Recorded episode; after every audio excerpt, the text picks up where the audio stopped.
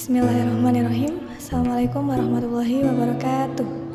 Sugeng enjing dulur-dulur sedoyo. Saya Anissa Rohindi dari Bisa Bicara. Uh, Di podcast pertama ini Saya akan bagikan sebuah cara Atau tips bagaimana caranya menjaga kesehatan mental.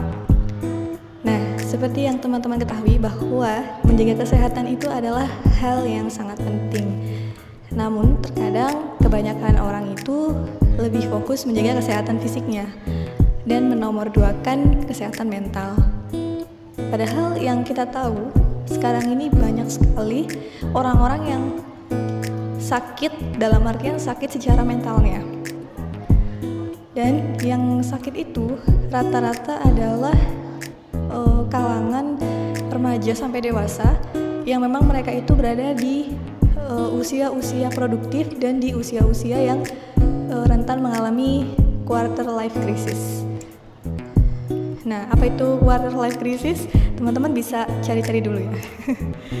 nah, karena di sini Anissa cuma akan menjelaskan tentang bagaimana sih uh, cara menjaga kesehatan mental. Nah, ada enam cara. Yang pertama itu adalah bicara tentang yang kalian rasakan. Bicaralah tentang semua yang kalian rasakan. Adalah hal yang penting untuk kesehatan mental. Pilihlah orang yang kalian percaya deh untuk jadi tempat berbagi cerita gitu kan.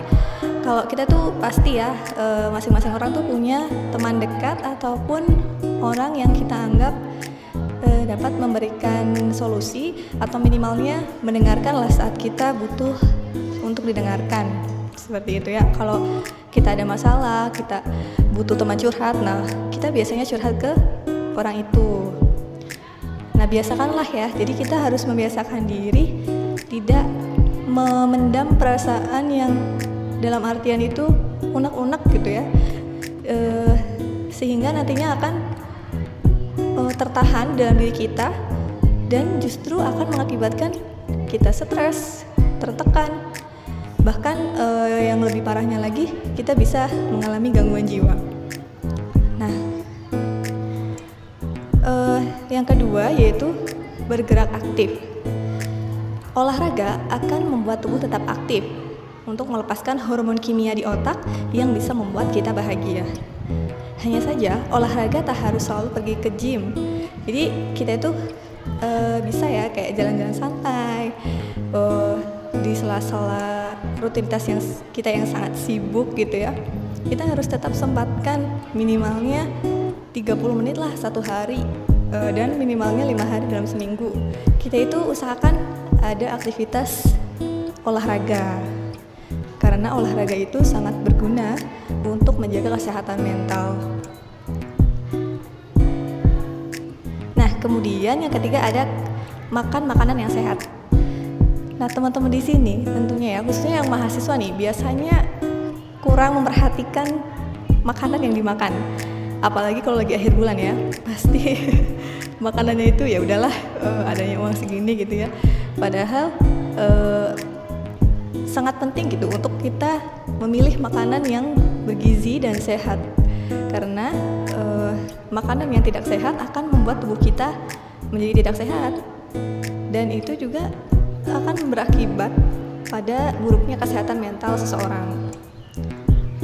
Jika kita memberikan uh, makanan yang sehat dan bernutrisi tinggi, insya Allah tuh nanti tubuh kita itu akan lebih sehat. Karena apa? Karena makanan bernutrisi tinggi itu akan membuat otak kita menjadi lebih sehat dan berfungsi dengan baik. Nah, selain itu, makanan sehat dan lezat tak dimungkiri bisa membuat seseorang jadi lebih bahagia. Masya Allah ya ternyata makanan yang sehat itu bisa buat bahagia. Tuh kan? Kemudian yang keempat rehat sejenak.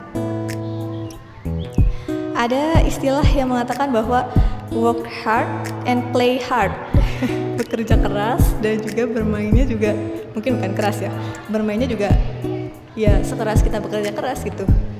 Jadi mungkin yang dimaksud di sini adalah ketika kita udah bekerja keras siang malam kita harus ada waktu untuk mengistirahatkan sejenak e, badan kita, pikiran kita. Jangan sampai kita sibuk sendiri dengan rutinitas sehari-hari kita, tapi kita mengesampingkan e, apa ya, me time kita gitu. mengesampingkan istirahat kita kita memaksakan diri misalnya begadang setiap malam nah itu juga tidak baik ya jadi kita perlu untuk beristirahat sejenak santai-santai di kafe berlibur piknik atau berkumpul bersama teman dan kerabat. Nah itu bisa membantu menyeimbangkan kesehatan jiwa kita. Dan yang terakhir yaitu eh bukan yang terakhir yang kelima ya. Berhubungan baik dengan keluarga. Keluarga dan teman adalah obat terbaik untuk mengembalikan semangat Anda saat merasa depresi atau jatuh dalam tekanan. Nah, jadi ketika kita mengalami depresi atau jatuh dalam tekanan itu, eh, keluarga dan teman itu adalah salah satu obat terbaik. Karena apa?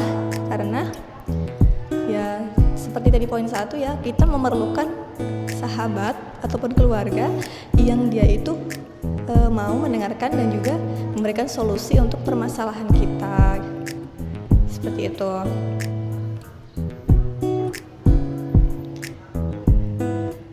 bahkan ya sebuah pelukan hangat atau hanya melihat senyum manis tulus mereka yang mencintai kita itu akan menjadi obat penyembuh tersendiri Masya Allah, tuh kan?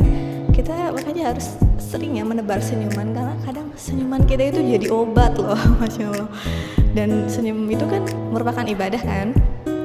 Oke, dan yang terakhir atau yang keenam yaitu adalah melakukan hobi.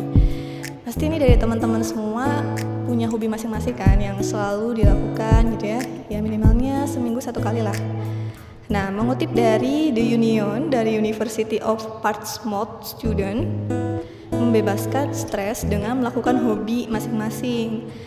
Jadi katanya kita harus melakukan hobi yang kita kuasai sehingga akan meningkatkan kepercayaan diri. Nah, dengan kita percaya diri, di situlah nantinya kita akan terjauhkan dari sifat minder, kemudian dari rasa rendah diri, ya kan? Jadi kita akan lebih pede dan tentunya itu akan berpengaruh terhadap kesehatan mental kita. Nah, mungkin itu aja teman-teman semua 6 tips dari Anissa gimana caranya menjaga kesehatan mental. Mungkin uh, untuk episode selanjutnya nanti Anissa akan berbagi tips-tips lainnya yang insya Allah bermanfaat untuk kita semua. Caca akhiri podcast kali ini Jangan lupa ikutin terus perkembangan dari podcast Bisa Bicara. Terima kasih, mohon maaf atas kekurangannya. Uh, Wassalamualaikum warahmatullahi wabarakatuh.